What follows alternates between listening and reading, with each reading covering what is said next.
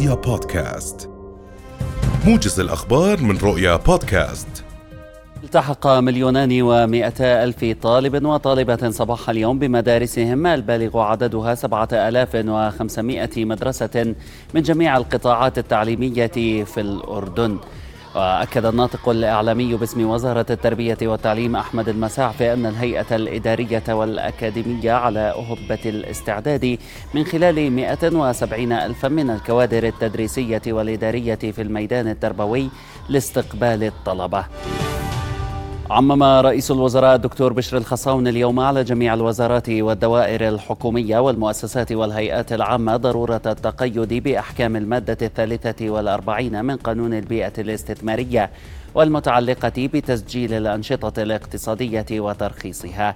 الخصاون أشار إلى ضرورة إنجاز المعاملات المرتبطة بالخدمة الاستثمارية الشاملة خلال مدة لا تتجاوز 15 يوم عمل من تاريخ تسلم الطلب مستكمل المتطلبات.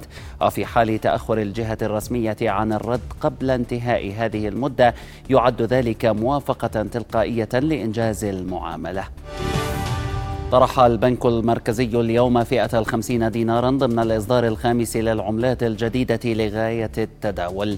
البنك المركزي أضاف في بيان له أنه سيطرح سائر الفئات وهي العشرون والعشرة والخمسة دنانير ضمن جدول مواعيد يعلن عنها وقت طرح كل فئة بالتدريج. وشدد البنك المركزي على أن فئة الخمسين دينارا في الإصدار الرابع ستبقى في التداول جنبا إلى جنب مع فئة الإصدار الخامس. تظاهر عشرات الآلاف مساء أمس في وسط تل أبيب للأسبوع الخامس على التوالي احتجاجا على الصلاحيات القانونية المثيرة للجدل التي تعتزم تنفيذها حكومة رئيس الوزراء بنيامين نتنياهو اليمينية. ورفع المتظاهرون لافتات تصف الحكومة الجديدة بأنها تهديد للسلام العالمي فيما أفادت وسائل إعلام محلية بأن الاحتجاجات خرجت في عشرين مدينة في أنحاء البلاد مؤكدة أن عشرات الآلاف تجمعوا في تل أبيب وحدها.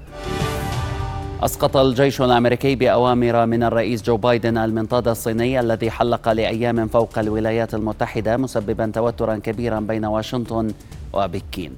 أعلن وزير الدفاع الأمريكي لويد أوستن في بيان أن طائرة مقاتلة من طراز F 22 أسقطت المنطاد في المجال الجوي فوق ساحل كارولينا الجنوبية.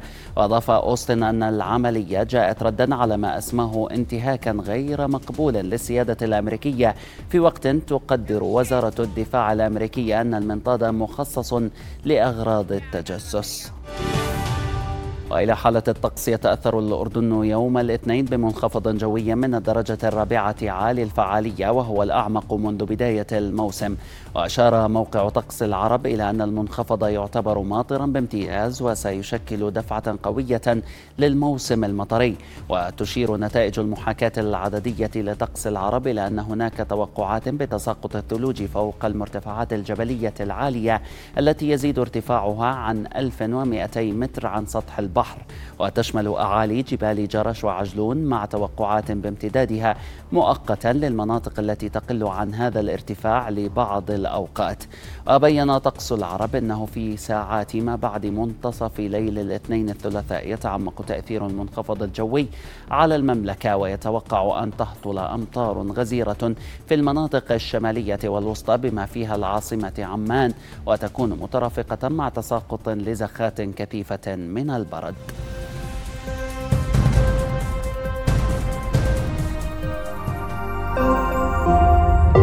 رؤيا بودكاست.